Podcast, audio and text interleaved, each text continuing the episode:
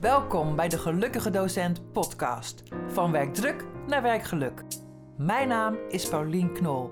En in deze podcast hoop ik je wekelijks te inspireren met mooie inzichten, persoonlijke verhalen en praktische handvaten om te blijven werken met energie, plezier en bevlogenheid.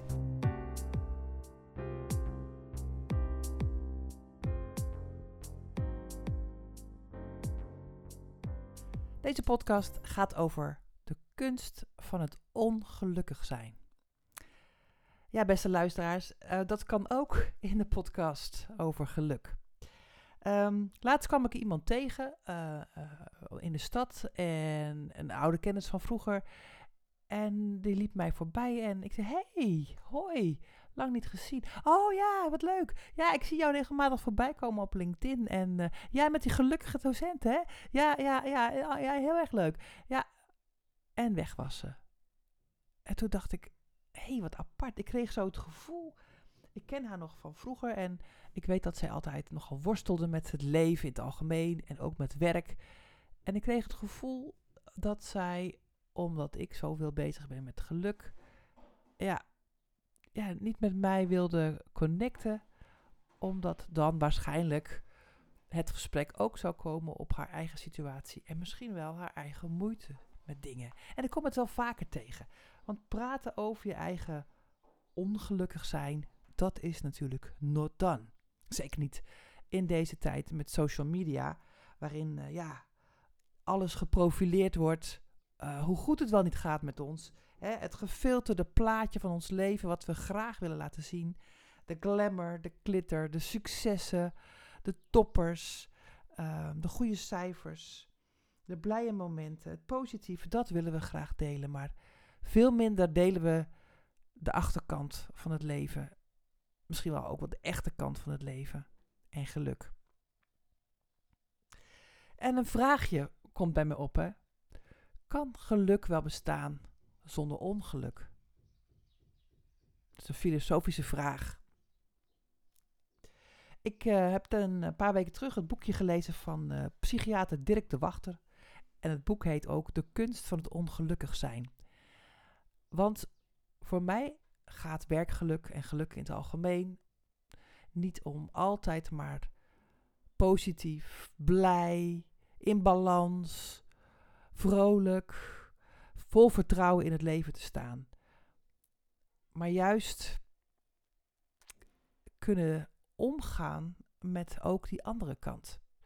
Juist die veerkracht ontwikkelen om te dealen met alles wat moeilijk is. Ik kom daar straks nog wel even op terug. Vaak als je mensen tegenkomt en je zegt: hey, hoe is het? Ja, goed. Ja, heel goed. Gelukkig zijn is uh, de norm. Goed gaan is de norm. En we nemen niet zo snel de tijd om een antwoord te geven als: Nou, eigenlijk niet zo goed, ik ben niet zo gelukkig. Dan valt het vaak het gesprek gelijk stil. Um, werkgeluk is voor mij een proces. En een resultaat van ja, elke dag de goede dingen doen, de goede keuzes maken. Um, je ontwikkeld hebben. Um, je weten, ja, ik wil zeggen, je shit omarmd hebben. Weten waar je moeite mee hebt en dat, dat ook te laten zijn. Onzekerheden en angsten en depressieve gevoelens, die horen ook gewoon bij het leven. En ik uh, ben zelf uh, als docent uh, heel vaak een gelukkige docent geweest. En nog. Maar ik weet ook heel goed hoe het voelt om niet gelukkig te zijn. Om alleen te ploeteren, om, om te twijfelen, om de angsten te voelen van, oh, doe ik het wel, kan ik het wel, red ik het wel, ben ik goed genoeg?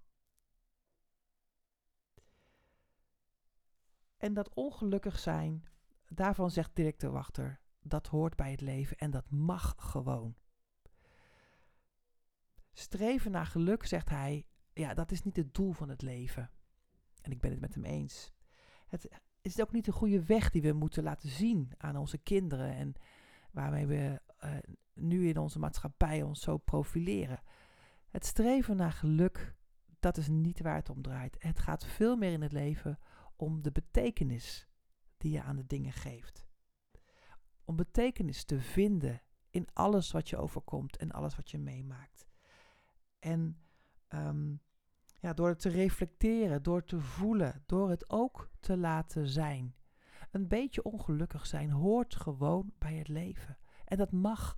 En dat hoeft niet weggepoetst. Dat hoeft niet weggepsychologiseerd. Dat hoeft niet getherapeutiseerd te worden. Het mag er gewoon zijn. Hij zegt het ook zo mooi. Ehm, soms moet je gewoon wachten. En dan maakt hij een leuke woordspelling met zijn eigen achternaam. Hij heet Dirk de Wachter. Dan zegt hij, ja, ik ben daar dus heel goed in.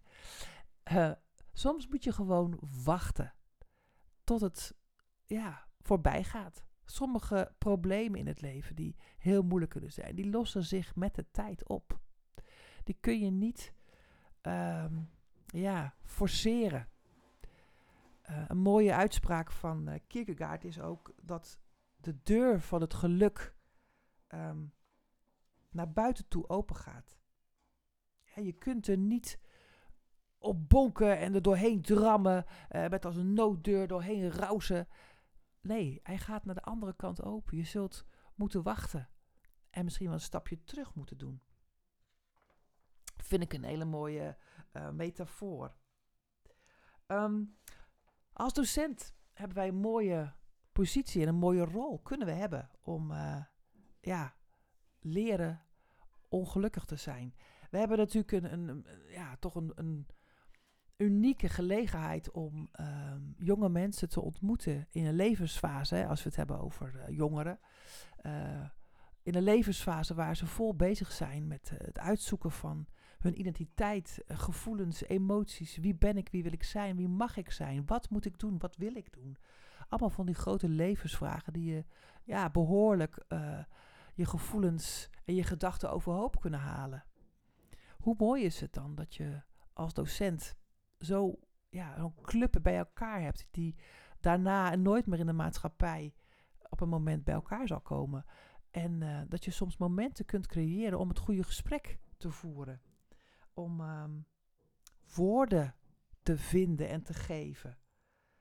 Want ongelukkige gevoelens en emoties hebben taal en woorden nodig om, ja, om gestructureerd te worden, om te kunnen worden begrepen, om erkend en herkend te worden, om soms bewust gemaakt te worden.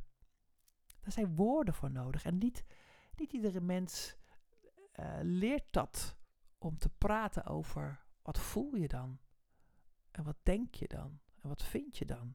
Dat is absoluut niet vanzelfsprekend. En als onderwijs, als leraren, als docenten hebben wij daar soms de mogelijkheid voor. Maar dat betekent wel dat we dat ook bij onszelf moeten doen en moeten kunnen. Dat we ook onze eigen ongelukkigheid, onze angsten, onze emoties, onze gevoelens, onze pijn, ja, um, moeten kunnen laten zijn. Uh, of moeten hebben verwerkt of een plek hebben kunnen geven. Dat je dat professioneel kan inzetten. De gelukkige docent, hè, dat heeft volgens mij veel meer te maken met betekenis geven dan met super succesvol onder controle houden van alles. Uh, nooit fouten maken, alles goed doen. Daar heeft het helemaal niks mee te maken. Een gelukkige docent is niet altijd positief, is niet altijd happy clappy. Het gaat veel meer over um, juist kunnen dealen met die tegenslagen, met die teleurstellingen die er altijd weer zullen zijn. Want zeker in het onderwijs, maar misschien ook wel in andere sectoren, gaat het altijd anders dan je verwacht. Het is nooit een dag hetzelfde, het is nooit routine. Je zult altijd moeten dealen met wat er op dat moment gebeurt. En dat is juist ook het mooie en het gave, maar ook het intensieve en het moeilijke. En zeker als je zelf niet goed in je vel zit, dan is dat heel erg lastig als je daarmee moet dealen. Met al die frustratie en tegenslagen. Maar daar gaat het wel om. Kun je die veerkracht ontwikkelen? En dat kan je natuurlijk trainen en dat kan je ook leren. En het nog het mooiste is als je het ook nog in een context kunt zeggen, zetten uh, van het professionele handelen bijvoorbeeld. dat vond ik zelf. Ik heb altijd op maatschappelijke zorgopleiding ehm, gewerkt of op, op kappersopleiding. Altijd in opleidingen waar je met mensen werkt. Dus het was altijd wel weer te koppelen aan hoe je uh, ja, met mensen of met klanten of met cliënten zou omgaan. Even iets over het concept tijd en geluk. Uh, Dirk de Wachter beschrijft de concepten tijd heel erg mooi. Uh, als zijnde, je chronos, de tijd als chronos, Griekse woord chronos. En dat gaat eigenlijk voor de objectiviteit, hè, de chronologie, de tijdswaarneming die uh, objectief is. En de kairos, dat is de subjectieve, de belevingstijd.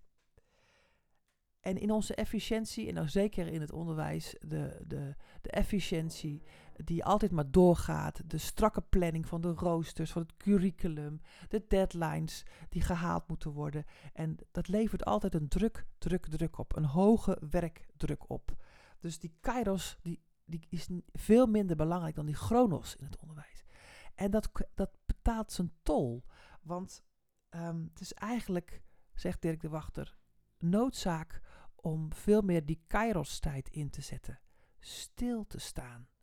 Even loslaten van alles wat moet, maar te vertragen. Hè? Ehm, laatst sprak ik een manager en die zei het ook zo mooi. Ja, het is juist vertragen om verder te komen. Niet door snelheid kom je verder per definitie, maar soms kom je verder en beter door even stil te staan, afstand te nemen, te reflecteren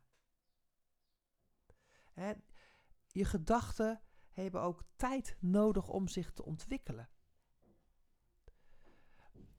Ik herken het ook bij mezelf. Uh, ik heb ook soms de neiging om, uh, als iets af moet, dan net zo lang door te gaan totdat het af is. Ook al uh, merk ik aan mijn energie dat het niet meer stroomt, dat ik het moeizaam gaat, dat ik mijn gedachten niet meer kan ordenen. En toch, toch door, door, door. Hè, dat moet af. En dan pas heb ik succesvol. Ik heb ik die dopamine shot dan dan is het goed. Soms is het nodig om los te laten en te vertragen. Want in die kairos-tijd, dat is leven in het moment, in het nu, daar, ja, daar kan het bewustzijn komen. Daar kan de flow komen. En vanuit de flow komt ook weer die bevlogenheid.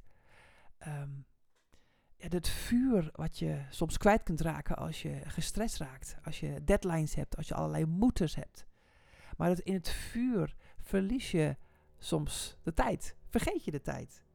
En in die flow en in die vertraagde tijd, ja, daar ontstaat creativiteit. Dat heb ik uh, wel ervaren sinds ik ondernemer ben en, en sinds ik theater maak en podcasts maak.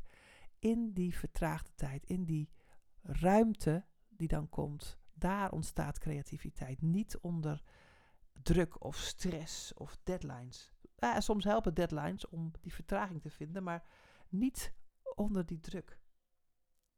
Daar zit de aandacht. Daar kunnen ook nieuwe inzichten heel goed ontstaan. Ik zei het net al, hè. voor mij is werkgeluk veel meer het resultaat van een proces van elke dag een beetje beter. Elke dag de goede dingen doen. Elke dag bewust leven in het hier en nu. Uh, dealen met wat er is aan teleurstellingen, aan pijn, aan tegenslagen. En daar uh, ja, elke keer het besef te hebben dat je een keuze hebt. Dat je invloed kunt uitoefenen. Um, en dat je verantwoordelijk bent om daar uh, ja, een wending aan te geven. De wending die je geeft bepaalt ook de uitkomst, het resultaat van je emotie, je gevoel en misschien ook wel je geluk. Nou, dit waren zo even maar wat gedachten over uh, de kunst van het ongelukkig zijn. Ik denk dat we dat nodig hebben, die kunst van het ongelukkig zijn, om juist gelukkig te zijn. Dus niet oppervlakkig geluk, niet oppervlakkig positivo's, maar juist uh, het delen met wat er is, daar betekenis aan geven en daarin ook uh, ja, het mooie vinden. Dat is voor mij werkgeluk.